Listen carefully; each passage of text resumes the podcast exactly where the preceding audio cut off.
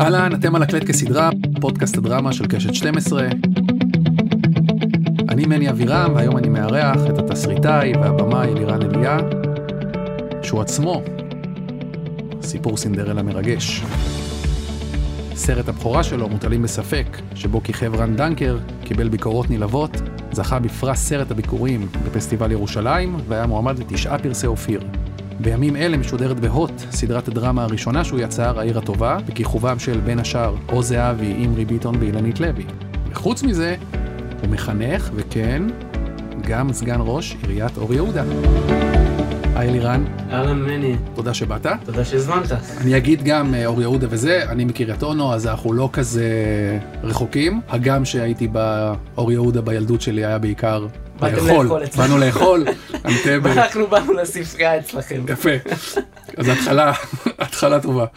אני רוצה להתחיל עם אה, להקריא פוסט שלך שפרסמת בפייסבוק ב-27 למאי 2020, ושהוא מאוד משמעותי בחייך בכלל וביצירה שלך בפרט, ונמשיך משם. מקווה שזה לא מביך אותך לגמרי. זה מביך, אבל אה, אבל אין ברירה. אבל אין ברירה. אז ככה, אחרי שנים ארוכות של בדידות, חצי חיים של תקיעות, בושה ופחד, אבל עם אומץ לחלום ולהילחם על הכל, שברתי תקרות זכוכית עבות במיוחד, בטח מהמקום שממנו צמחתי. נלחמתי על התלמידים שלי, על התושבים שלי, על היצירה שלי, הערכים שלי, מלחמות גדולות שניצחתי, ורק באחת כמעט הפסדתי. את הערך הגדול מכולם לא היה לי אומץ לקדש. תפסתי אהבה כחטא, הייתי כאילו באור אבל נשארתי בחושך, תקוע בארון. אני כותב עם הלב שלי על השולחן, הפחד בלצאת מהארון הוא לא מציאותי, למרות שהחיים הרבה יותר טובים כשאתה מחבק לגמרי את מי שאתה. חג השבועות מסמל את ערך החירות הפיזית, את ערך החירות הרוחנית, ערך של קבלה עצמית, תיקון ואהבה. אני חולם על דברים ושואל למה לא. ועכשיו אני חולם להתאהב ולהיות נאהב באמת. חג חירות שמח. אני חולם על דברים ושואל למה לא. פעם ראשונה שאני שומע את הטקסט הזה. טקסט מדהים. בן כמה אתה כשאתה כותב אותו? 34. מדהים. אני חושב שבוא תספר קצת על הרקע לפוסט, ואז על המשמעות שלו בעצם ברמת הכתיבה של העיר הטובה. העיר הטובה זה פרויקט שאני עובד עליו אה, כבר שבע שנים. אה, זה התחיל ממחנך שנלחם על התלמידים שלו, אבל תמיד היה חסר לי עוד את הערך המוסף של המלחמה הפנימית, מה מניע אותו בעצם, מה, מה, איפה השדים שלו, ותמיד ברחתי מזה והתחמקתי מזה ולא הצלחתי, כאילו הכל היה נכתב נכון וטוב ודרמטי, אבל היה חסר את הרובד האישי שממנו התחמקתי. ועוד שנה ועוד שנה ועוד דחייה של הפרויקט ועוד דחייה של הפרויקט, תמיד נתתי איזה שהם אה, תירוצים. באיזשהו שלב אה, עזבתי את הפרויקט, כי לא יכלתי לכתוב משהו שהוא רחוק ממני, והבן אדם הראשון בעצם שסיפרתי לו, כי הייתי צריך לתת תירוץ למה אני עוזב פרויקט, איזה יוצר מקבל פרויקט. ועוזב אותו, הוא לא רוצה לעשות אותו. הרגשתי שאני חייב לתת את התשובה למירי טובי, מי שהאמינה בי ונתנה לי את הפרויקט. מנהלת הדרמה של מנהל הוט. את הדרמה שלו, את האהובה, ויצאתי עם איזשהו טיפול פסיכולוגי, ובאינסטינקט ספונטני נסעתי לה, התקשרתי, אמרתי לה איפה את? אמרה לי ביפו, אמרתי לה בואי ניפגש, הלכתי אליה, נסעתי אליה וסיפרתי. ואז מפה התחילה איזושהי מערכת יחסים כזאת איתי, איתה ועם הפרויקט, כאילו, אל תכתוב את זה, תכתוב משהו אחר מסביב, תמצא איזשהו קונפליקט אחר, ואז כתבתי וזה לא עניין אותי וזה שעמם אותי וזה היה רדוד וקונבנציונלי, ואז היא אמרה לי, תכתוב את זה עם הסיפור של המיניות ותשים את זה בצד, רק כדי שתיפתח. ואז כתבתי את זה, וזה מתפוצץ, וזה טוב, וכאילו הכל מתחבר בין החיים האישיים שלו לחיים שבחוץ, בין המוטיבציה שלו לעשות שינוי חברתי בעיר שלו, המוטיבציה הפוליטית בעצם, עם ההסתרה המינית, הכל מתחבר וה- וזה טוב. מה עושים עם זה? זה טוב, זה באמת טוב. לקח לי הרבה מאוד זמן, ואז הגיעה הקורונה. בקורונה, כמו כולם, הייתי צריך להישאר בבית ולבד, לא היה לי את העירייה, לא היה את הסדרה, היה רק אני וקירות, ואז נכנסתי ממש למראה שחורה, לבדידות קיצונית, היה לי מאוד קשה. ואז אה, אני זוכר שהיה איזשהו רגע שהייתי צריך לעבוד, אה, לעמוד מול העובדים שלי. אני, אה, בתפקיד שלי כסגן ראש העיר, אני ממונה על המרכזים הקהילתיים. זאת אומרת, כל החינוך הבלתי פורמלי, מצעירים, נוער, פנאי וקהילה, אה, תרבות, ספורט, גיל הרך, 500 עובדים בסך הכל, והיינו בחוסר ודאות, היינו צריכים לפטר עובדים. לא הסכמתי לפטר עובדים, היינו צריכים להוריד שכר לעובדים, ואז אני הייתי צריך לבשר להם את זה, ועמדתי מולם, ובאינסטינקט של רגע הסתכלתי להם בעיניים, ואמרתי, לא יכולתי להגיד את הדבר הזה, ואמרתי להם, לכו הביתה. אף אחד לא ייגע בכם, לא תפוטרו ולא ירד שכר. אני אדאג לכם. ואז אני זוכר שכאילו זה הדבר שהדהד אצלי, כאילו איך אני יכול לדאוג ל-500 עובדים, ל-38 אלף תושבים, אבל לעצמי אני לא יכול לדאוג, ככה זה היה. ואז החלטתי שאני עושה את זה, כאילו זה היה הלבד הזה מול העובדים ומול עצמי, החלטתי שכאילו אני כותב את הפוסט הזה. זה כאילו, מהר מאוד כתבתי אותו, טק טק טק, אמרתי שזה לא יברח לי, שזה לא יברח לי, הנה הזדמנות, הנה הזדמנות. באותו שבוע היה חג השבועות, וזה הרבה מאוד אחרי חגים של לבד, ושחררתי את זה, פשוט שחררתי את זה ככה, בלי יותר מדי מחשבות ועניינים, שחררתי את זה. ברגע ששחררתי את זה, שחררתי את הפרויקט, כי הכל התחיל להיכתב הרבה יותר טוב. כל הנושא של הטיפולי המרה פתאום התפוצץ על המסך. תוך אה, שנה כבר היה לי, אה, תחשוב, כאילו אני עובד חמש שנים, זה לא מתפתח, תוך שנה הכל יוצא החוצה, מדהים. מהר מאוד. ושנה סיימתי לכתוב, צילמנו, והנה זה בחוץ, מדהים. כאילו זה שחרר. בעצם ככה החלטת בבום, בפוסט, לצאת מהארון. כן. ככה. והסביבה שלך. תראה עוד פעם, זה לא בבום, אתה יודע, כאילו זה עוד משהו ועוד משהו ועוד משהו ועוד משהו, והיצירה עוזרת לזה, אה, אבל אני גם בורח מזה, אה, פשוט כאילו, בבת אחת אמרתי, יאללה, אני מתפטר מזה, אני עושה את זה. בגיל אה, יחסית, אתה יודע, זה אינדיבידואלי וכל אחד אצלו זה אישי, בגיל יחסית, אפשר להגיד בוגר, גיל 34, לצאת מהארון כן. ולהתחיל חיים חדשים, חיים חדשים, כל הקלישאות שאתה מכיר על יציאות מהארון, בסוף שאתה יוצא זה אמיתי. כל הקלישאות, אתה נולד מחדש. איך החיים החדשים? מדהימים, באמת, כאילו, תשמע, אני עוד לא פטור לגמרי, מי פטור? אתה פטור? אף לא אחד. מאיתנו, אתה לא פטור, אף אחד מאיתנו לא פטור באמת. Uh, תמיד יש עוד איזשהו משהו, תמיד יש שאלות, תמיד אתה מחפש תשובות על המהות של החיים ועל התכלית וכל מה שזה, אתה מחפש גם בקריירה, גם באישי. אבל השינוי הוא שינוי קיצוני, כן. זה לא שינוי שמגיע בבת אחת, יצאת מהארון ועכשיו יש שינוי, כאילו, זה לוקח זמן, uh, אבל זה שווה את זה. כאילו, זה לא מאוחר. תן אז, תספר שנייה על הסדרה בשלושה משפטים, ואז טיפה נצלול פנימה. זו. סדרה אה, דרמה חברתית, אה, פוליטית, על מורה צעיר שנלחם בעוולות חברתיות, אה, עד שהכעס הופך למנוע והוא מחליט אה, לרוץ לראשות העיר. בהתחלה הוא מגן על התלמידים שלו, הוא נלחם עליהם אחד-אחת, וכשהוא מחליט לרוץ לרשות, אז הוא מתחיל להשתמש בהם. הוא, הסדרה כל הזמן שואלת מה אני יותר, אופורטוניסט, או שאני פועל מתוך אידיאולוגיה. אה, כל סצנה אתה יכול לבדוק את זה. אה, יחסית לאדם, כאילו איך הוא פועל, מה מניע אותו באמת. אדם שהוא. רוז זהבי. אדם שהוא רוז זהבי, מה מניע אותו באמת? אה, כשאתה רואה שזה מתקדם, אתה רואה שהוא ממש אה, הופך להיות אה, קיצוני באופורטוניסטיות שלו. הוא ממש משתמש בתלמידים כדי לצמוח פוליטי, וככל שהוא ממריא פוליטי, אז הוא מתרסק אישית ומוסרית.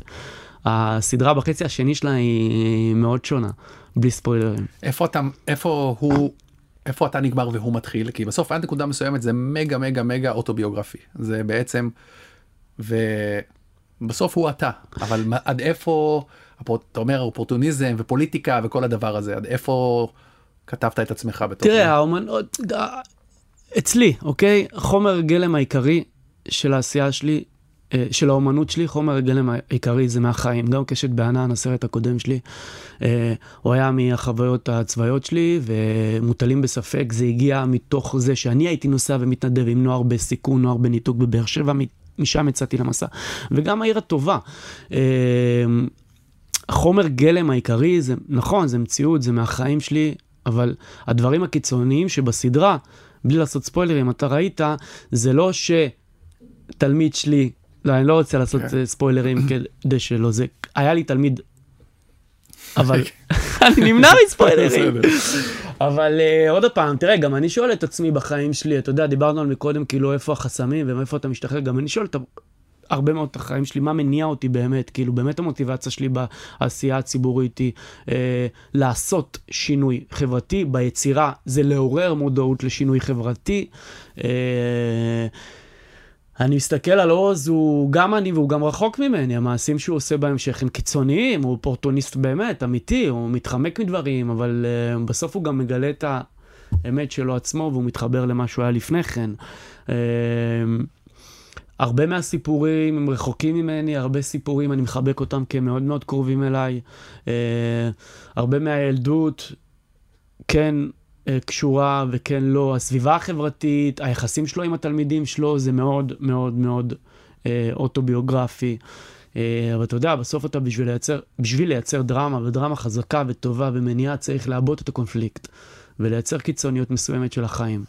למרות שאתה רואה את הסדרה, ואני מקבל מאות, מאות של תגובות של אנשים שמתחברים לזה מהיום יום שלהם. אה, לא חספסתי את המציאות, לא ידעתי אותה. באמת אני מרגיש שהבאתי אותה כמו שהיא. הסיפורים האלה של הרווחה והסיפורים בפוליטיקה המקומית, הם דברים שהם קיימים. אה, בסוף כשאתה יוצא קצת מתל אביב, אתה מבין שבישראל יש את הדברים האלה. גם אני, תראה, אמ, זה מעניין, כי אצלנו בעירייה אה, יש לנו אנשים מדהימים. מדהימים מדהימים, אנחנו עיר באמת מיוחדת, ומי שמנהל את העיר, מראש העיר, דרך הגזבר והמנכ"ל וכולם, כאילו כשצפינו בסדרה, כשהם צפו בסדרה, הם אמרו, אנחנו, אנחנו כל הזמן עושים בשביל הרווחה והחינוך וזה, אבל אנחנו לא באמת מכירים את המלמטה, אנחנו תמיד מהמלמעלה. אנחנו מהמלמעלה, אנחנו מהמשרדים שלנו, וזה היה מרגש לשמוע את זה, אומרים את זה, כי פתאום לחבר אותם לקרקע באמת, לסוציו, לסוציו-אקונומי 1-2 האמיתי, כאילו, אתה מבין מה אני אומר? זה מדהים החיבור הזה בין בעצם מחנך ופוליטיקאי ומישהו שיוצר דרמות וסרטים. מה הוביל אותך כך מהילדות המסלול שעשית שהוביל אותך בסוף גם לשבת על כיסא סגן ראש העיר וגם לעשות סדרה כזאת uh, להוט. לפי דעתי זה מהייחודיים בעולם, לא, לא מכיר עוד כאלה. אז מה, תספר את המסלול חיים. תראה, אני כשהגעתי ל... אה, לתיכון, אז הייתי צריך לבחור מגמה, הייתי תלמיד כיתת מב"ר, ובסך הכל, כאילו, באמת, המוטיבציה שלי הייתה לסיים 12 שנות לימוד. הרכזת שלי, אילנה טבריה קראו לה, היא אמרה לי, תלך לקולנוע, עושים שם סרטים, שיהיה לך את חמש יחידות, ככה הייתה מדברת. שיהיה לך את החמש, את החמש יחידות של הקולנוע, של המגמה, אחר כך אם תרצה להשלים, זה יהיה לך יותר פשוט. אתה צריך להגיע ל-21, בסך הכל שיהיה לך חמש לפחות, פה אחד, פה אחד, תאסוף מזה, אזרחות זה קל וזה. אמר יאללה, נלך לקולנוע. מה לי ולקולנוע? מי היה בקולנוע לפני כן? בחיים לא הייתי בקולנוע. מה לי ולספר סיפורים, כאילו? והתחלתי, והתאהבתי במדיום הזה. התאהבתי במדיום הזה, בזכות החינוך לאומנות, בזכות זה שלמדתי קולנוע, לא רק שסיימתי 12 שנות אה, לימוד, גם סיימתי עם תעודת בגרות מלאה. התאהבתי בזה, התגייסתי לצבא, ידעתי שאני משתחרר, כל מה שאני רוצה לעשות בחיים זה לספר סיפורים. למדתי בקאמרה אובסקורה, שזה בית ספר לאומנויות. בשנה השנייה הסרט שלי השתתף בפסטיבל הסרטים הבינלאומי בחיפה, סרט קיץ. המנהלת של בית הספר בו אני למדתי בתיכון התקשרה אליי. אחרי איזושהי כתבה שהייתה בעניין של הסרט בחיפה, במקומון, פשוט כתבה פשוטה במקומון, אמרה לי אלירן, אני בן 22 בסך הכל, כן, מה לי ולהוראה, ומה לי ולחינוך, אני כולי שלוך. והיא באה והיא אומרת לי, מתקשרת, אומרת לי, ברח לי מורה חודש לפני בגרות. תבוא להציל לי שמונה תלמידים באתגר, תעשה איתם שני סרטים ותלך. אמרתי לה, כמובן, בטח שאני בא. באתי לחודש, נשארתי תשע שנים. אבל אני מכיר, אני מכיר אותם, כאילו, את הילדים האלה, אני הייתי אחד כזה, אוקיי? אני יודע מה האומנות מסוגלת לעשות. אז החודש הזה היא אמרה לי, בוא תישאר עוד שנה עד שאני אעצב את המגמה. אין לי תעודת תורה, אין לי תעודת חינוך, אני בסך הכל בן 22 סטודנט לקולנוע בבית ספר שהוא בית ספר פרטי, שאפילו אתה לא יוצא ממנו עם תעודה, כאילו, אתה רק תעודה של... כן. אה, זה לא בכלל האוניברסיטה. אה, בשנה הזאתי הבנתי את המשמעות האמיתית של החינוך לאומנות, את המשמעות האמיתית של אה, חינוך בלתי פורמלי, ומה האומנות מסוגלת לעשות בחיים, כמו שהיא שינתה אותי, לי יש עכשיו את הכוח ללכת, לבוא ולשנות בעיר שאני אוהב, חיים של בני נוער, וזה מה שהיה. מש, מחודש של שמונה תלמידים, השנה המשכתי אותה עם שמונה תלמידים אחרים, והיא גדלה. כל שנה היא גדלה המגמה, היא הפכה להיות מגמת הדגל. אז התחלתי באתגר, שזה שכבת זה, ואז פתאום הצטרפו המברניקים, ואז העיוני, והעיוני מוגבר. ממגמה של דו-שנתי הפכה להיות מגמה של תלת-שנתית, כאילו של שלוש שנים. היא הייתה מגמה היסטרית, כאילו בשנה, בשנה אחת, רק שכבה, שכבה אחת, היו לי בערך איזה 170-180 תלמידים. תחשוב, תשע שנים זה אלפים. וואו. אמ, ועם זה גם המשכתי לבחירות. אני זוכר שהייתי, היה לי, גם התחלתי להכיר בשנים האלה, כאילו, מה זה מגמת קולנוע בקריית אונו, בבן צבי. Mm. בן צבי, בן צבי? בן צבי. בן צבי. Mm. שם בבן צבי, אתם שכנים שלנו, אז לוקחים את התלמידים לגבעת חביבה, או נורדיה, פעם בשנה ליומיים, ועושים להם אה, אה, מכל מיני אה, אה, הרצאות עם אה, יוצרים, וגם ברמת גן עושים את זה, ובגבעתיים עושים את זה. וביהוד עושים את זה, אבל באור יהודה לא עושים את זה, כי הם משלמים אה, מגמות דמי מגמה ההורים שלהם 500 או 1,000, בתל מעלים משלמים 3,000 שקלים, בחד העם משלמים יותר בפתח תקווה, אבל אני לא יכול. אז הייתי הולך לראש העיר, והייתי מבקש תקציבים לתלמידים שלי, כדי לצאת החוצה איתם לטיול הזה ליומיים. והוא נתן לי. ואז ביקשתי ממנו לבנות אולפן, והוא עזר לי לבנות אולפן. ואז ביקשתי ממנו אמפי לסוף שנה, כי אנחנו מאות של תלמידים, והוא בנה לי, ואולפני ארוחה וזה. ואז זה, זה היה ביני לבין עצמי. אמרתי, מה אני הולך כל הזמן לראש העיר, אני אחליף אותו. כאילו זה התחיל מאיזושהי בדיחה שאמרתי, ואתה יודע, המציאות כאילו היא... אתה אומר דברים וזה זה פתאום הופך לאמיתי, וככה זה היה. לא התכוונתי באמת, לא התכוונתי באמת שאני אעשה את זה. ואז הגיעו בחירות, וזה היה בדיוק אחרי מוטלים בספק, עם ההצלחה האדירה של מוטלים בספק. אמרתי, בואנה, אני כאילו, אני כן, והתגובות למוטלים בספק, אנשים שהלכו ולמדו חינוך בגלל שהם צפו בסרט. ואנשים שעשו מש... דברים משמעותיים, שינויים משמעותיים בחיים שלהם, מול הילדים שלהם, או בני נוער שעשו שינויים משמעותיים מול עצמם ומול ההורים שלהם. הקמתי תנועה של צעירים, אנשי חינוך, וזכינו בשני מנדטים, וככה הגעתי ל... להיות סגן ראש העיר, אבל זה לא מאיזשהו חלום להיות ראש עיר, אין לי חלום להיות ראש עיר. אה, אבל המוטיבציה לעורר, אה, לעשות אה, שינוי חברתי היום. מהסמכויות שיש לי, זה, זה עובד. בסופו של דבר אני אחראי על מה שאני מאמין בו, על החינוך הבלתי פורמלי, על, על האמנות, על צמצום פערים. הערך של שוויון הוא ערך שהוא, אני מאוד מאמין בו, הוא חשוב לי, מתוך המקום שלי, כמי שמרגיש כל הזמן, שהוא, מי שהרגיש עד לא מזמן, שהוא לא שווה.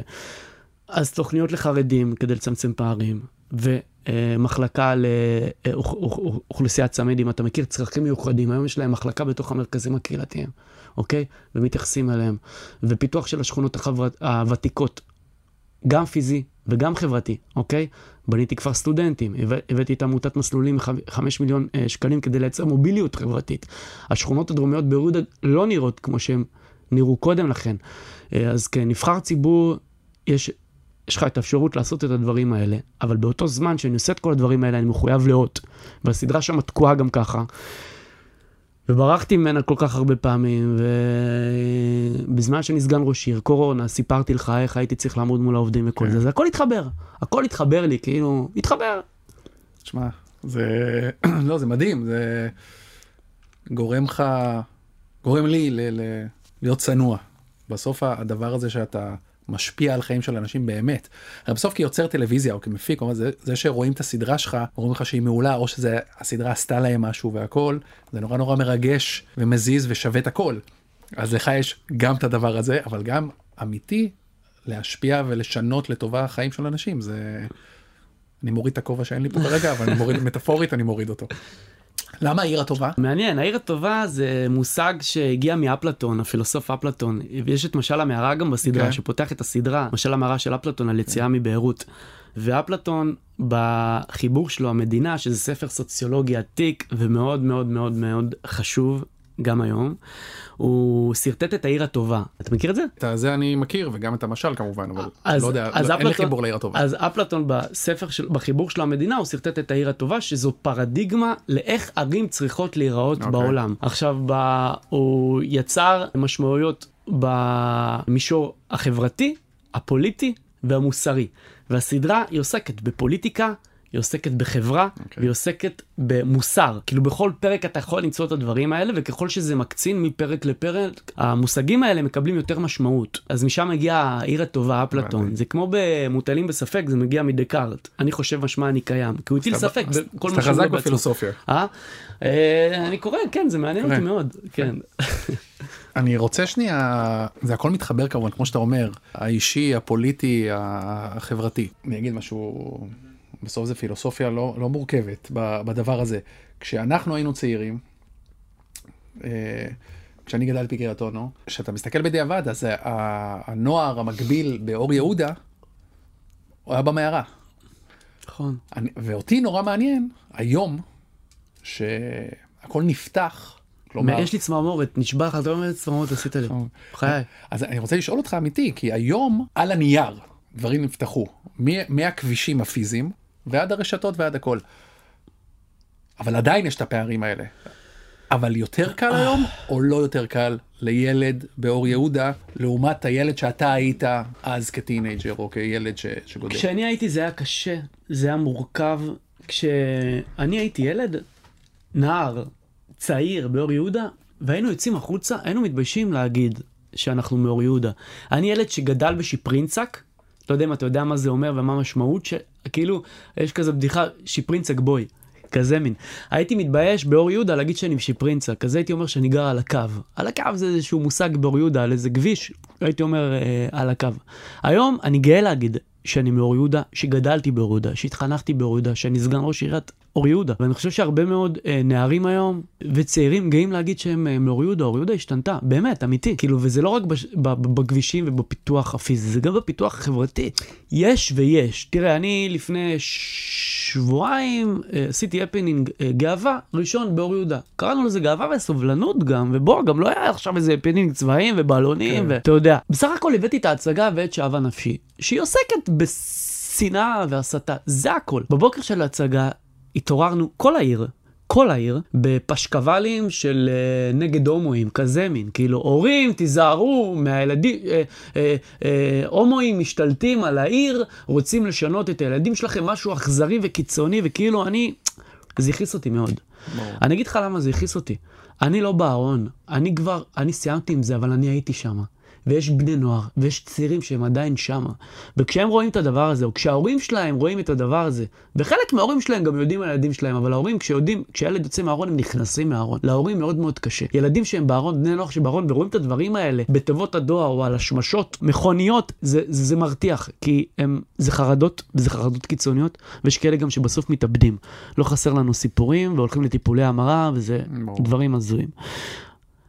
אני בבוקר של ההצגה הזאתי, מכרנו בסך הכל איזה 100 כרטיסים. אתה יודע איך סיימנו את הערב? עם סולד אאוט. כאילו ההצגה הייתה מלאה דווקא בזכות הדבר הזה. אז כשאנחנו מדברים על פתיחות ואור יהודה ואיך שהיא השתנתה, היא השתנתה. כמובן שעדיין, כמו בכל עיר ובכל חברה, דברים חדשים, לוקח להם קצת יותר זמן להיפתח. אבל זה יקרה, זה עניין של uh, זמן, כאילו, הנה. אז היה איזשהו דיבור בקבוצת פייסבוק של אור יהודה, ותושבים העלו את הזוועה הזאת עם הדעה שלהם, כאילו, מה, אנחנו איראן? כזה מין, והגיבו, והיו אימהות שראו את הדבר הזה, ופתאום הם יצאו מהארון, כי הם הגיבו. וואלה. הם הגיבו על אלה שהם עשו את זה. ופתאום נהיה דיון על נושא שלא מדברים עליו, למרות שסגן ראש העיר הומו, כן? על נושא שלא מדברים עליו, פתאום התעורר דיון. וזה היה מעניין ויפה לראות. את ה... אז תראה איזה מהלכים אתה מניע. בסוף דברים קטנים, אתה יודע, בסוף זה, זה שינויים שהם קטנטנים, מילימטרים, שמשנים חיים שלמים. אני אומר, זה זכות. כשנגיד הייתי בתוך האירוע הזה וחוויתי אותו והייתי בתוך הדבר וכאילו זה, אז אני לא מרגיש את מה שאתה אומר. עכשיו שאנחנו מדברים על זה, תסתכל פרספקטיבה לשבועיים לאחורה, כן, כן, זה משמעותי, כן. טוב, נחזור, אנחנו כל הזמן, זה מה שיפה בפרק הזה, באמת, אנחנו נעים מהסדרה לחיים ו- וחזרה. אז אני חוזר שנייה לסדרה ולחיים. אדם או זהבי עושה הכל, הכל בשביל להילחם בנטייה המינית שלו, בעצם בהומואיות שלו. וברגעים לא מעטים זה קשה לצפייה. בכלל הסדרה היא לא סדרה קלה לעיכול, זו כן. סדרה קודרת, אבל ששואבת אותך פנימה. אתה חווית את אותו הגיהנום? אתה מרגיש שהוא... אני חוויתי את הגיהנום של להיות בארון, לא חוויתי את הטיפולים האכזריים של גלגולים בקרח או צום. כן עשיתי טיפולים אם ראית בפרק 3 בפרק 4 שיושב מול מטפלת ודברים, כן. צריך לעשות דברים עם הידיים והשמיניות ההזויות האלה וכל הדברים האלה, זה מכניס ליותר חרדות. אה, זה לא עובד, אה, זה לא עובד, ברור. לא עובד לאף אחד, אבל אני הייתי במצב שאם דיברתי עם מישהו ואמר לי אני השתניתי, אז הוא נתן לי תקווה והלכתי לאותה אחת שהיא שינתה אותו. אבל אתה לא משתנה, ואז אתה נכנס להרבה יותר חרדות קיצוניות. עוז בסדרה עושה דברים שהם קורים, עושים בארץ את הגלגולים בקרח הזה. זה מנהג יהודי של תיקון, הרי כל תיקון, כל תיקון כן. זה להכאיב לגוף. נגיד, כשאתה צם ביום כיפור, אני צם ביום כיפור, בסדר? אבל כשאתה צם ביום כיפור, הרעיון הוא שאתה מכאיב לגוף כדי להגיע לתיקון. אתה מתנקה בעצם. ככה זה גם בטיפולי המרה, אתה מכאיב לעצמך. אתה צם 48 שעות כדי להגיע לתיקון על ידי כאב פיזי. ככה בגלגולים בקרח. בחו"ל עושים את זה בשלג. בארץ אין שלג, אז בונים אמבטיות של קרח, אבל זה קורה. עשיתי אין ספור תחקירים עם כאלה שהם היו בטיפולי המרה וצמו. והתגלגלו בקרח, כמה שזה נראה הזוי בסדרה, וזה לא אמיתי, הם היו בפרמיירה, אותם חבר'ה שאני הזמנתי, שעשיתי איתם את התחקיר, והם ראו את עצמם, ובסוף הפרימיירה הם נשארו והם בכו דמעות כי הם ראו את עצמם על המסך. כמה זה מזעזע לראות את זה, כאילו איפה הייתי, באיזה חושך הייתי. כשאני רואה את הסצנות של הטיפול המרה עם המטפלת האלה, והיא שואלת אותו את השאלות. היא אומרת לו בוא תעשה את התרגילים, או כשהיא חוקרת אותו כדי שיגיע לחקר של המיניות שלו באמת. אז אני מתבייש לראות את עצמי שם, כי באיזה מקום חשוך הייתי. ועוד בן אדם שדוחף את התלמידים שלו, שתאהבו את עצמכם. ותיצרו, כי אני מלמד אותם קולנוע, תיצרו את היחסים שלכם עם עצמכם, יחסים עם ההורים שלכם, ואת כל הדברים האלה. ואני את עצמי לא הצלחתי באמת. למה? לא לתקן. למה? למה בעצם? זה, כי זה איזשהו מנוע פנימי, זה בפנים, זה, זה, זה עמוק שאני לא יודע להסביר אותו. באמת אני לא יודע להסביר אותו. וכשאתה נמצא במצב, אה, בארון כזה, הוא, כאילו, אתה, אתה יודע, כמה פעמים אני שאלתי את עצמי למה, למה, למה, למה, ואין לי תשובה, למה, זה מין כזה משהו שנתפס פסיכולוגי, ואתה הולך איתו. אבל הדברים האלה של טיפולים מהמרה, כמו שתיארת בהתחלה, הם אמיתיים, הם קורים, הם זוועות. לא, זה, אני יודע שהם קורים. כן. אני שמח לגלות שאתה לא, לא עברת את, ה, את, את הדברים הקיצוניים שם. שאלה שנשאלת כמובן, אני מניח לאורך הדרך וגם התחבאת בה, אבל עדיין אני אשאל אותה. למה לקחת שחקנים לא הומואים לתפקיד של הומואים? לא, היו אצלי גם באודישנים שחקנים הומואים. פשוט מי שהיה טוב ונכון לתפקיד והביא איתו איזשהו אה, עומק ורובד, הרי מה זה בסוף חדר אודישנים? זה, אתה יודע, זה מעבדה. זה גם בשבילי, אני, אה, אם יהיה במאי יגיד לך שהוא יודע בדיוק מה הוא מחפש, אני לא מאמין לא, לו. ברור. אוקיי? אני גם לא יודע מה אני מחפש. כשכתבת לא ידעת? לא היה לך בראש לא, מישהו? לא. או זהבי הגיע רק בסשן הרביעי של אה, החיפושים. לא אוקיי. חשבתי עליו בכלל, אוקיי? ראיתי את כולם, לא חשבתי עליו בכלל.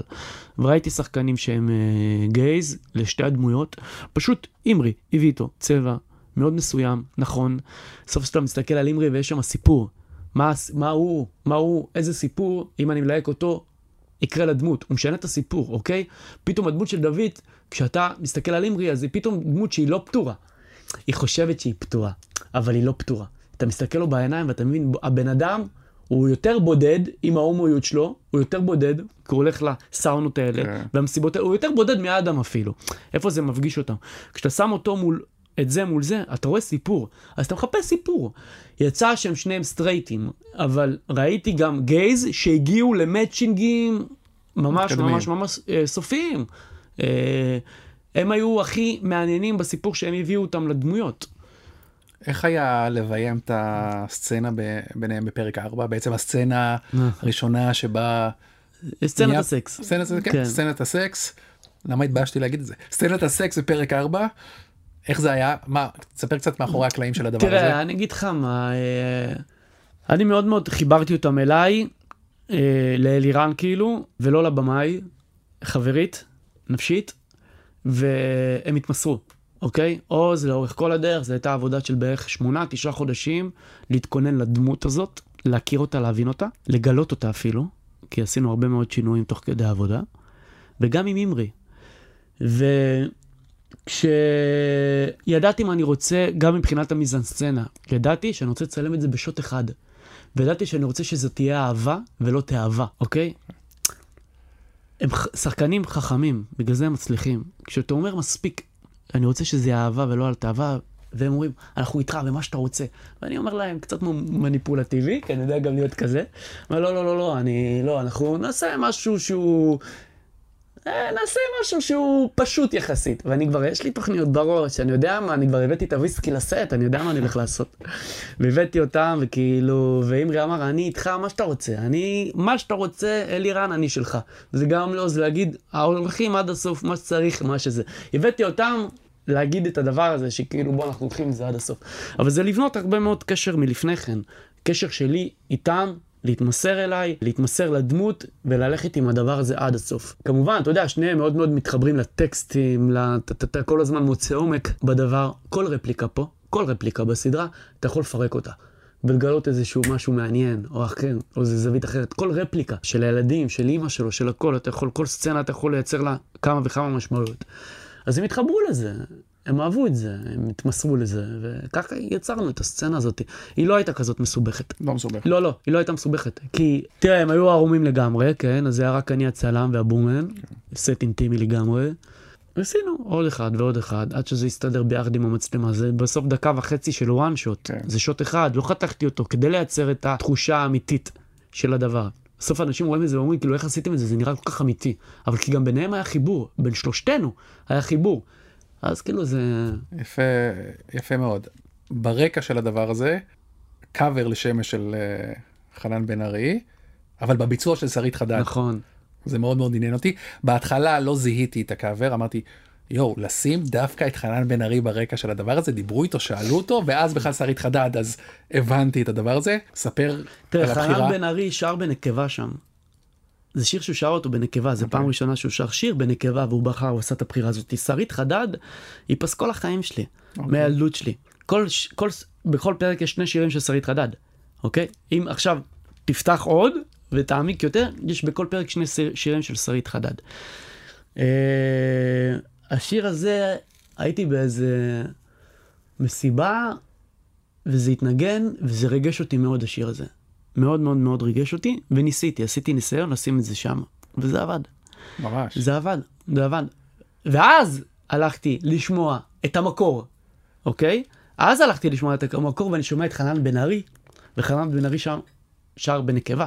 וזה בא סצנה אחרי שהוא אומר לו, אבל אתה בן, למה בן צריך לדבר בבת? כן. וכאילו זה התחבר. זה התחבר, אה, שרית חדד, כאילו, ברור שהשיר הזה, אני הולך איתו.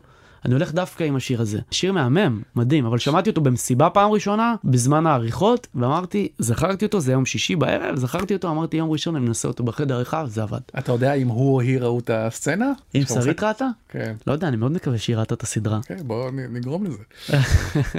וגם אגב, בסוף פרק שלוש, הסצנה היפה עם האוכל ביניהם שהם יושבים, כשברקע אחד השירים האהובים עליי של אירן דנינו, כן. גם בחירות, בחירות מאוד יפות מוזיקליות לאורך הסדרה. ישראליות. ישראליות. סדרה מאוד ישראלית, אה, לא רציתי ללחוץ עם אה, מוזיקה, תמיד יש תחושה כזאת שעושים, כאילו, סדרות ישראליות, פתאום מקבלים איזה מוזיקה אמריקאית כזה וזה וזה. בגלל זה הלכתי עם כנסיית השכל, שהם מאוד ישראלים. רן אלמליח מכנסיית השכל, הוא זה שעשה את המוזיקה של הסדרה, מאוד מאוד ישראלי. גם ישראלי עם נגיעות מזרחיות, וגם הפסקול מאוד מאוד אה, ישראלי. לירן דנינו מייצג אה, ישראליות, שרית חדד מייצג את ישראליות. לירן דנינו. אה, אתה ממעריצי לירן דנינו, זה. חוזר אחר כך, יש לו עוד שירים בסדרה. שמח לשמוע. כן, אבל שם לא התכוונתי, זה יצא אוקיי. ככה. שרית חדד התכוונתי, יפה. מאוד בחירה- התכוונתי. אוקיי, עכשיו אני רוצה לדבר קצת על כל נושא הנוער. אדם עושה הכל, אבל הכל, הכל, הכל, בשביל התלמידים שלו, לא מוותר. אתה גם היית מורה כזה? או או אף יותר גרוע, יותר גרוע. יותר גרוע. יותר גרוע, לא הייתי מוותר להם. אין תלמיד אצלי שלא סיים תעודת בגרות, אין כזה דבר. שיעשו אצלי את הבגרות, אחר כך זה... עכשיו, הם היו עושים את הבגרות אצלי, ואז הם היו משתפרים במתמטיקה, משתפרים באנגלית. בתיה, היא היום קצינה, אוקיי? היא התחילה אה, משפחה אה, אתיופית, עשרה ילדים, כאילו, כיתת אתגר, איפה היא היום? בזכות האומנות. אני מאוד מאמין בחינוך לאומנות. דבר עם התלמידים שלי, אני לא זה. אין אחד שיגיע והוא יפרוש, אין כזה דבר. אין, אני במהלך השנים אקח עוד. כאילו ילד בי"א שלא הצליח לו בי' במקום אחר, הוא יבוא אליי, והוא יקבל תעודת בגרות של שלוש שנים. אין כזה דבר, אני מתחיל את השנה, נותן להם 100, לכולם. אומר להם, בואו, עכשיו זה עליכם. בואו תרדו מהמאה. אתה רוצה לרדת מהמאה? תרדו מהמאה. יש לכם 100. אם זה ירד מה... כאילו, זה... עכשיו, זה ציונים, זה מי מעניין ציונים? עזוב, ציונים זה לא משמעותי בכלל. אנחנו לא סופרים בן אדם לפי uh, ציון. מה זה, הייתי יוצא לצלם איתם, ומעמיק איתם. אה, יותר ממנו, בוא, הוא שם, אם יש דברים שהם... אה, אני בחיים הייתי יותר אה, מקצין עם התלמידים שלי מהם. תראה, בסוף הבחירות שלי, הבחירות שלי, אני זכיתי בשני מנדטים, זה המון. זה שווה ערך לשבע בתל אביב, בשביל לעשות סדר. זה מאוד קשה לפעם ראשונה. מי שעשה לי את הקמפיין זה התלמידים שלי. הם אלה שהלכו ברחוב, אלה שהם עמדו ברחוב וחילקו פליירים, הם אלה שהלכו בית בית ואמרו תצביעו למורה שלי. הם אלה שעמדו בקלפיות. בסוף זה התלמידים שלי שעשו את הקמפיין הזה. אני היום סגן ראש עיר, בזכות התלמידים שלי. אני אומר את זה ככה, אני הייתי שם, אבל מי שהריץ אותי, באמת, ברגליים, חיילים, זה התלמידים שלי. תחשוב, כל שנה, מדהים. כל שנה וכל שנה צברתי עוד תלמידים ועוד תלמידים. באמת שבסוף עשו קמפיין בחירות. לכו תצביעו למורה שלי. זה היה הקמפיין כאילו. מדהים. בסדרה מתקבלת גם התחושה העדינה שיש לך בעיה עם כל הנושא של רווחה. כל הקונספט של רווחה ומדיניות רווחה. למה? אתמול הייתי בלשכה של אה, ראש העיר ונכנסת אה, מנהלת אגף הרווחה. ובצחוק היא אומרת לי, מה יש לך עם הרווחה? כאילו זה אומר שבאמת כאילו שמת לב לה למטה. ואמרתי לה שהחלום שלי בילדות היה לסחוף את הרווחה. אז אומרת לי, אז הגשמת. אותו, כן, כמו שזה קורה. כאילו התפיסה הזאת של רווחה היא תמיד הפריעה לי, אני גם לא, כאילו, גם מדיניות של רווחה, אה, לא מדיניות של רווחה, אלא מדיניות של סעד, אוקיי? כאילו להשאיר אנשים מיואשים כדי לתת להם תחושה שמישהו מציל אותם, אוקיי? פוליטיקאים אצלנו בארץ, גם במקומי, אבל בעיקר בארצי יודעים לעשות את זה מצוין. ולתחושתי זה תמיד כאילו איזשהו, יש לי איזושהי מערכת יחסים לא פתורה עם הרווחה, כנראה בגלל הילדות. אתם הסתמכתם על רווחה? הייתם חלק ממעגל היה הרווחה? תיק ברווחה, אבל לא אוקיי. הסתמכנו, אבל מבושה. אוקיי. כאילו, יש הרבה מאוד שיש להם תיקים ברווחה ומוכרים ברווחה, וזה בסדר ללכת ולבקש מיטה ברווחה, או לבקש תלושי מזון ברווחה. אה, הייתה תקופה שהיה, אבל... אה, אבל זה הבושה, כאילו, להיות אה, ברווחה. כאילו, אני בעד להקטין את תקציב הרווחה, אוקיי? כאילו, השאיפה היא תמיד להגדיל את תקציב הרווחה. אבל אני בעד להקטין את תקציב הרווחה. ככל שיהיה מעט באגף הזה, יהיה ככה פחות לתת לאנשים להסתמך לסעד, וככה אתה תגרום להם ללכת ולעבוד. לתת חכות ולא דגים. בדיוק. בעצם זה ה... כן, אוקיי. כן. עוד משהו ששמתי לב עליו, הוא בעצם זווית היחסים הלא פשוטים של אדם ואימא שלו, בגילומה של טיקי דיין. טיקי הנהדרת, איזה שחקנית. אדירה היא. זה גם משהו מהחיים? סליחה שאני חופר בתוך הזה, אבל זה, זה שם בסדרה, אז אני... תראה, עוד פעם, אתה יכול אה, לקלף, אמרתי לך, כל אה, רפליקה ולמצוא משהו שאימא שלו, מה שנקרא, בורחת מבשורה. ככה הרגשתי כלפי אימא שלי, שהיא בורחת, כאילו, אה, מהדבר הזה. כשאני סיפרתי לה על עצמי, אז היא בהתחלה אמ- אמרה לי, אבל אתה לא נראה. אמרתי לה, איך צריך להיראות? כאילו, גם אז היא ברחה מהדבר הזה. כן, בטח, יש מאימא שלי בטיקי, אני כל, יש סצנה שהוא אומר לה, די, תצאי מהבית, תלכי, אה, בואי נרשום אותך לקורס מחשבים. אימא שלי שאני מאוד גאה בה ואני מת עליה, והיום היא עפה עליי ברמות הכי קיצוניות שיש, והיא אישה מאוד מיוחדת ואמיתית. זה דברים שכאילו הייתי אומר לאימא שלי, כאילו, תפסיקי עם המשק בית. תפסיקי, את שוברת לעצמך את הגב. למה צריך את המשק בית הזה? בואי, יש קורס מחשבים, והייתה אומרת, מה לי ולמחשבים? כאילו שמחשבים זה כאילו גבוה. ואז הייתי אומר, אז תהיי מזכירה, תהיי מזכירה. זה מה שהוא אומר לה, אבל אמא שלי לא ננעלת בבית וצופה באח הגדול. היא כן. כן הולכת ועובדת, אבל היא עובדת במשק בית, ואני הייתי רוצה שהיא תצא משם, כאילו היא באמת, אני מאמין שאת הכישרון שלי לקחתי מאימא שלי. באמת אני מאמין בזה, היא בנעורים שלה, אני זוכר שהיא הייתה עושה אומנות מטפטים.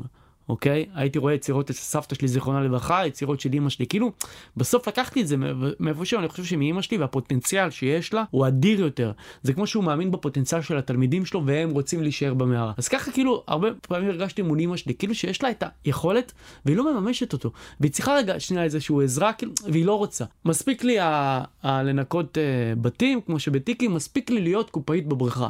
אבל את יכולה יותר, בואי, כאילו, את לא יכולה לשבת כל היום בבית. אז כאילו יש הרבה דברים שכן, שלקחתי מ... היא ראתה את הפרקים? היא ראתה את הארבעה, כמוכם. ו? את האמת, אה, היא לא דיברה איתי על זה. כלום? לא. תראה, הייתה בפרימיירה ומאוד התרגשה, וזה היה כאילו חתונה ועם שמלה והכל וזה, אבל תכל'ס, לא, היא לא... אם תשאל ונשמח לדעת מה היא אמרה. בינתיים לא קיבלתי תגובה על הפרקים, תגובה. לא. יש אה, כמתבקש גם אה, עיסוק באשכנזים מזרחים. כמה אפרופו אמרת קודם מהרפליקות אפשר אה, לפרק אותם לכמה משמעויות נכון אמרת רואים בעצם בתסריט שזה לא סתם דיבור אלא יש רבדים לדבר הזה. אז זה לא פרארי זה של אשכנזים זה לא סושי אנחנו אשכנזים זה חוזר זה משהו שבילדות או בכלל גם היום זה משהו שחווית ואתה חווה בעצם את הפער הזה קיפוח אני גזענות. אף פעם לא חוויתי קיפוח, אני לא מאמין בקיפוח, אני חושב שכל בן אדם, אם כל בן אדם יכול, גם עם התנאים שהוא גדל איתם משובשים, הוא יכול להצליח. כל בן אדם, אני אף פעם לא טענתי לקיפוח, אבל תלמידים שלי תמיד זורקים את המשפטים האלה, זה מגיע מאיפה שהוא, אוקיי? מה אנחנו אשכנזים? בסוף שני המשפטים שהצגת עכשיו הם משפטים של הילדים אומרים.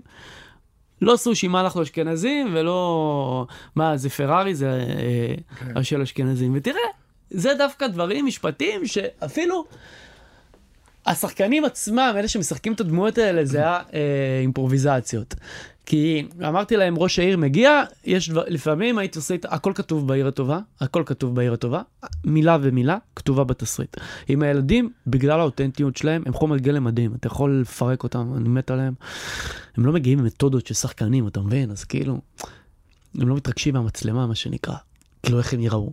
שזה מדהים, מדהים. אז אמרתי, ראש העיר מגיע, בא לחלק לכם פיצות, אמרתי ליעקב, תשאל אותם אם הם רוצים סושי או המבורגרים. אני לא אמרתי לה, תחזירי לו, מה אנחנו אשכנ- אשכנזים. זה מה שיצא לה, אבל זה מהחוויה שלה כנראה, כאילו, מה אנחנו לא, אשכנזים. זה אני- זה, אשכ... אה, זה אשכנזים. אז כאילו, גם עם הילד שכותב את המכתב, אמרתי לנרי, נרי, תכתוב מכתב לעצמך, בוא תראה לי את המכתב. והוא יראה לי את המכתב. והיה כתוב שם את הדבר הזה, אמר לי להגיד, אמרתי לו, כן, תגיד, אם זה מה שאתה מרגיש, אז תגיד. ברור, ברור, כן. אני סתם, אה, זה, זה מאוד מעניין, כי בעצם כל הדברים האלה בסדרה צפים, הכל, וזה זה מה שהופך את זה ל... אני חושב, אחד הדברים שהופכים את זה לסדרה מעניינת, שזה כל הרבדים האלה. אתה מקבל בצפייה כמה דברים, החושים בכל מיני כיוונים מופעלים. כן, אמ, זה, בוא נחזור רגע, סתם, אותי מעניין דווקא, כי כן שאלת אותי למה לקחתי אה, סטרייטים לשחק גייז. כן.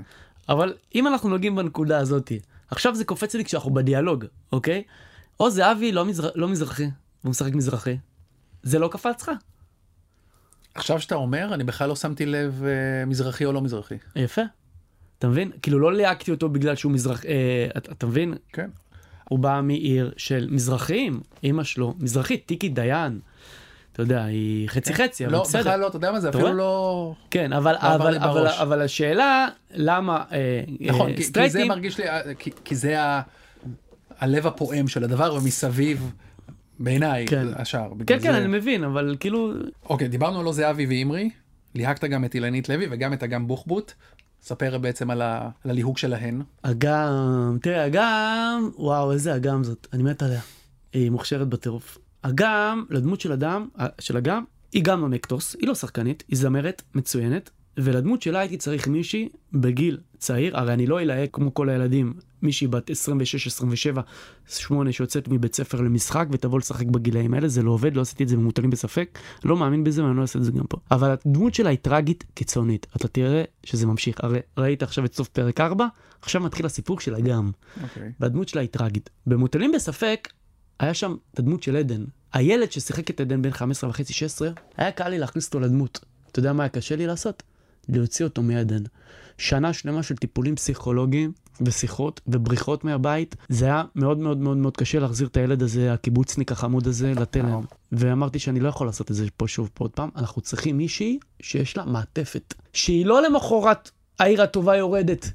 והיא חוזרת לבית ספר, ואין לה מה לעשות, אלא שהיא ממשיכה, שהיא בעבודה. אז ידעתי שלדמות הזאתי אני צריך מישהי. וראיתי את אגם, וראיתי עוד שחקניות, זמרות, מכל מיני אה, סלב, שיש להם מעטפת, שהן עובדות, ושהן ימשיכו גם לעבוד אחרי הסדרה. וגם באה לאודישן, ועשתה אודישן מהמם.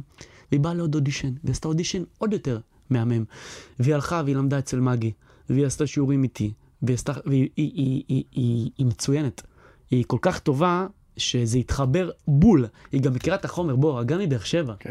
אז גם ה- לבנות הדימה, ד- את הדינמיקה שלה בין הילדים, זה היה פשוט, כי היא מכירה את החומר. הדמות שלה גם שקטה, היא נכבדת אל הכלים. תכף, תכף היא מתפוצצת, כן? תכף היא מתפוצצת בגלל משהו שקורה לה. ראית מה קרה לה? כן. וזה אה, ממשיך וזה מקצין, אוקיי? אתה תראה את ההמשך, לא יכולתי לקחת שום אה, נון אקטוס אחר, חוץ מכוכבת, כדי לשחק את הדמות הזאת. ואילנית? גם אילנית עשתה אודישן מדהים, מדהים, מדהים, מדהים, היא מתפוצצת על המסך. היא עושה תפקיד מפתיע. אני, אחרי שאילנית יצאה, אני והמלהקת, לימור שמילה, ישבנו, הסתכלנו אחד על השנייה רבע שעה. כאילו, מה היה פה עכשיו? מה היה פה, כאילו? אה, איך זה הגיע, איך הבאתי אותה לאודישן? כאילו, עוד פעם, אני לא רואה רק שחקנים, אני רואה כאילו מישהו שיש לו את הפוטנציאל, כאילו, שיש שם איזשהו משהו אה, מעניין, ולא זוכר איפה ראיתי את אילנית, בטלוויזיה, וביקשתי לראות אותה. אני שמח שהגיעה, כי עשתה אודישן מדהים, היא מעולה. מעולה. סאן, מה איתו? ספר עליו קצת, על הליהוק שלו ועל אה, מי הוא סאן, ומה הוא. סאן זה היה אה, ילד אחר, לפני סאן הזה, מישהו אחר שליהקנו, אתה יודע? למה אתה מחייך? לא, לא, לא. לא אה, יודע. גם מישהו, בגלל החוויה, אז גם לקחנו מישהו שהוא מוכר, אני לא אגיד את השם שלו, אוקיי. בחור מאוד מאוד מוכשר, מאוד מוכשר, שהוא לוהק, והוא הגיע כבר לחזרות והכל, ובסוף זה לא הסתדר. וברגע האחרון, כאילו רגע לפני צילומים היינו צריכים אה, להחליף, ויש לי אה, חבר שמלמד משחק, ואמרתי לו, תביא לי את כל הכיתה שלך.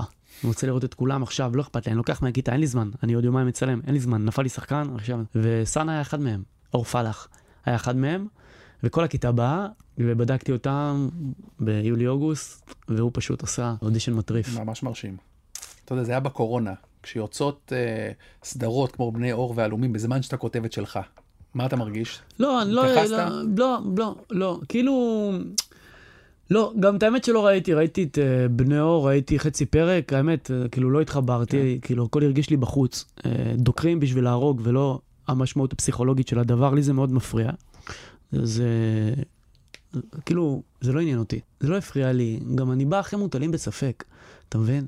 כן. אז אה, זה היה שם לפני, אז כאילו זה לא, מה אוקיי. שבא אחרי, זה לא ריגש אותי. גם אה, העיר הטובה באה לפני מוטלים בספק, הרי זו סדרה שאני עובד עליה שבע שנים. ידעתי שלפה אני לוקח נונקטוס. זה שאחר כך, אחרי מוטלים בספק, כולם התחילו להשתמש בנונקטוס, זה מבורך בעיניי. לפני כן, אתה יודע, אופוריה היו בני 27, 27, 28, וכל הסרטי קולנוע שהיו, תמיד לקחו צעירים שיצאו מבית ספר למשחק, לשחק דמויות כאלה. בעיניי זה אף פעם לא עבד. ואני מאוד שמח שאחרי מוטלים בספק, נהיה גל של נונקטוס בגילאים האלה. זה הרבה יותר נכון. הסדרה, כמו שאמרתי, מעולה, אבל קודרת ודטרמיניסטית. ומרגיש לי מהשיחה פה שאתה דווקא בן אדם מאוד אופטימי. נכון, תמיד אומרים לי את זה, יאללה, אבל אתה... תראה עוד פעם, החיים, יש בהם שמחה וכיעור ויופי ואכזריות. בעיניי, בשביל לעורר מודעות לשינוי חברתי, צריך ללכת על הקודר. אה, במוטלים, איך שזה נגמר, דווקא הסוף הזה. אם הייתי מסיים את מוטלים בהפי אנד, אז מה הייתי עושה? איזה שינוי חברתי הייתי מצליח לעורר אצל אנשים כשראו את הסרט הזה? תשמעו, הילד הזה עכשיו הולך והוא נהיה סטודנט לקולנוע והחיים שלו יופי וטופי. לא היו מגיעים קהל, לא היו מגיעים קהל, אני אומר לך, מה שהביא קהל ופיצץ אולמות, פיצץ אולמות, זה דווקא הסוף הזה. מה שגרם לאנשים לשנות חשיבה לגבי בני הנוער האלה. זה דווקא הסוף הזה. ואני חושב שמה שגורם לאנשים לבוא ולצפות בסדרה ולהמשיך מפרק לפרק, זה דווקא בגלל התחושה הקודרת הזאת. אני בחיים שלי אני מאוד אופטימי. מאוד מאוד אופטימי, אני חושב שאין תקרת זכוכית שאי אפשר לנפץ. אין כזה דבר. גם כשהייתי, אה, התמודדתי ואמרו לי, מה אתה לא, מה אתה דפוק בעיר כזאת, אתה לא תביא חצי מנדט. ואני הייתי אומר, אבל יש 15 מקומות. בסוף, חברי מועצה זה 15. אם לא אני, מישהו אחר יהיה שם. הרי מישהו ייקח את זה, נכון? אז למה לא אני? אז הבאתי שני מנדטים, וככה גם הם מוטלים בספק כשהגשתי את התסריט לקרן. הגישו איתי בערך 90 ומשהו יוצרים, שתיים רק קיבלו. וידעתי ששתיים יקבלו, וגם אמרו לי, אבל נראה לי, עזוב, אל תגיש עכשיו, תגדל, תגדל קצת. אמרתי, אבל שתיים יקבלו. יש שתיים שיקחו את זה, אז למה לא אני? וככה גם עם הסדרה באות. אני מאוד מאוד מאוד אופטימי ביצירות, היצירות קודרות, היצירה הבאה עוד יותר קודרת. אני כבר מכין אותך. נשמע כיף. טוב, אתה דיברת. אנחנו לקראת סיום, ועשית באמת דרך שלא... אין, אין הרבה תסריטאים שעושים, אז תן טיפים ליוצרים צעירים. השאלה, כאילו, להאמין, האמביציה, המוטיבציה, מה אמרת קודם? אמרת איזה מילה, אופטימיות. אופטימיות, להאמין ביצירה. להאמין לה, להאמין לה אה, ממקום כנה ואמיתי, ולא בשביל אה, להתפרסם או... ליצור, כי תראה עוד פעם, האומנות יש לה כוח, יש לה כוח. אני, אני מאוד מאמין בחינוך לאומנות, אמרתי לך מה שאני עושה כסגן ראש עיר, מאוד מאמין שאומנות יכולה לשנות חיים. אני היום מקים מוזיאון באור יהודה, מוזיאון קיימות, כל מה שאני עושה בעיר, אה, יש בזה. אתה יכול למצוא שם אומנות, כי אומנות באמת משנה חיים, וגם ביצירה. כשאומן יוצר, הוא בסופו של דבר, לא, החינוך המודרני של היום הוא בעיקר, אני רואה את זה היום, בסדר? אני לא מכליל. אבל הוא בעיקר דואג שהתלמידים של היום יהיו אינטלקטים. זאת אומרת שיחשבו מהראש. החינוך לאומנות הוא גורם לתלמידים להיות אינטליגנטים. זאת אומרת שיחשבו מהראש אבל גם עם הלב. אתה מבין מה אני אומר? כי בסופו של דבר ילד, עזוב קולנוע, ילד לוקח מכחול, הוא, הוא יוצר מתוך התת מודע שלו, מתוך המכשולים שלו. זה הוא והמכחול והדבר הזה. וגם כשילד יוצר קולנוע או עומד על במה בתיאטרון או כותב יצירה, מלחין יצירה, זה לא דידקטי, זה לא, זה לא אינפורמציה. אני אף פעם לא לימדתי את התלמידים שלי מה לחשוב. תמיד איך לחשוב. וכשאתה מלמד את התלמיד איך לחשוב, אז אתה גורם לו להתעסק בעצמו. לא מלמדים בבית ספר איך להיפרד. אי אפשר ללמד איך להיפרד. אבל החינוך לאומנות מאפשר לך להבין את עצמך, וככה כשאתה תיפרד מהבת זוג שלך, אתה תיפרד ממנה בצורה יותר... אה, בגלל זה אני מאמין כל כך בכוח הזה. אבל איך הגעתי לזה? שאלתי באמת על טיפים בסוף ליוצרים, אז אתה אומר, מהאמת ומהאופטימיות ומהרצון לשנות. מהאמת והאופטימיות וגם להאמין, להאמין, להאמין ביצירה עצמה, לא להאמין, כאילו, להאמין ביצירה שהסיפור הזה, למה הסיפור הזה הוא סיפור חשוב לספר אותו חברתית? למה זה חשוב? כאילו, ברגע שיוצרים יבינו הרבה יצירות, אני רואה סרטי קולנוע, שבסופו של דבר אתה יכול לקחת אותם ולתלות אותם על קיר במוזיאון. אז אתה רואה את היצירה שהיא מהממת, אבל היוצר עשה את זה לעצמו, כאילו. יש הרבה סרטים כאלה שאני מאוד אוהב אותם, ישראלים. בסוף אתה רוצה להנגיש את זה לקהל, אתה רוצה שקהל יבוא לקולנוע כדי לראות סרט שלך, כדי שישב על הספה מול הטלוויזיה ויצפה ביצירה שלך וזה יגרום לו משהו. אם לא גרמתי לצופה להרגיש משהו, אז אני לא בדרן, זה תפקיד של בדרן, אני אומן, אז אני רוצה לעורר אצלך איזשהם תחושות. כדי שתלך עם זה ותחשוב, וזה ישתנה אצלך איזשהו משהו שישפיע על החברה. קיבלתי. אתה יודע, אמרת שקולנוע לא היה חלק מהחיים שלך עד גיל מסוים, בעצם לא הלכת לקולנוע, לא כזה. עד גיל 16 לא ידעתי מה זה קולנוע. וטלוויזיה? גם לא. גם לא. לא. הייתי רואה מרקו כזה. כן. ומתישהו טלוויזיה כן התחילה להיות חלק כצופה? נגיד, אני שואל פה על סדרות. כן, סופרנוס ראיתי, התאהבתי, ראיתי את כל העונות, חברים הייתי רואה. קולנוע, אני מת על קולנוע, אני רואה כל סרט ישראלי שיוצא. אני רואה את רוב הסרטים שמגיעים ללב, אני חולה קולנוע, טלוויזיה פחות. קולנוע, אני מת על קולנוע. והיום אתה גם לא, אתה פחות בטלוויזיה? פחות בטלוויזיה, ישראליות, סדרות חוליות? בקולנוע. לא, פחות, פחות, הרבה מאוד בקולנוע. Okay. אוקיי. התחושה הזאת, החוויה הזאת של לצאת מהבית, ללכת, לראות יצירה בקולנוע, זה, זה חוויה שלמה. מול הספה, זה, זה קשה לי, אני, אני, כל הזמן יש לי הסחות דעת. כאילו קשה לי לצפות עכשיו בפרק ב, של אה, סדרה, או אפילו בחדשות, או אפילו באיזה ריאליטי. אז אתה נוסע ללב או הולך לסביונים? איפה? לא, בלב, מת... לא, לא, בלב פעם פעם היה מתנ"ס בקריית אונו. היום אה, אין כבר, יש לא, לא. בסביון, לא, לא. יש בסביון אגב, יש בסביון איזשהו אה, אה, אולם קטן שמנגישים שם סרטים של לב. וואלה. אבל זה לא, לא כזה מעניין אותי. דיזנגוף סנטר. צודק. נוסע לתל אביב, מה, אין כמו תל אביב גם, חולה תל אביב. נראה לי זה סיום, אין כמו תל אביב, אין כמו אור יהודה. העיר הטובה, זה על הגבול, אתה יודע, זה בין זה לזה. טוב, זהו, עד כאן, הקלט כסדרה. אני מני אבירם, תודה אלירן, היה שיחה מהממת. היה כיף. ממש. ותודה גם לבר כץ, העורך שלנו, ולנטע ספילמן המפיקה. אתם יכולים ומוזמנים למצוא אותנו במאקו, בספוטיפיי, באפל פודקאסט, בגוגל פודקאסט. נשתמע בפרק הבא, יאללה ביי.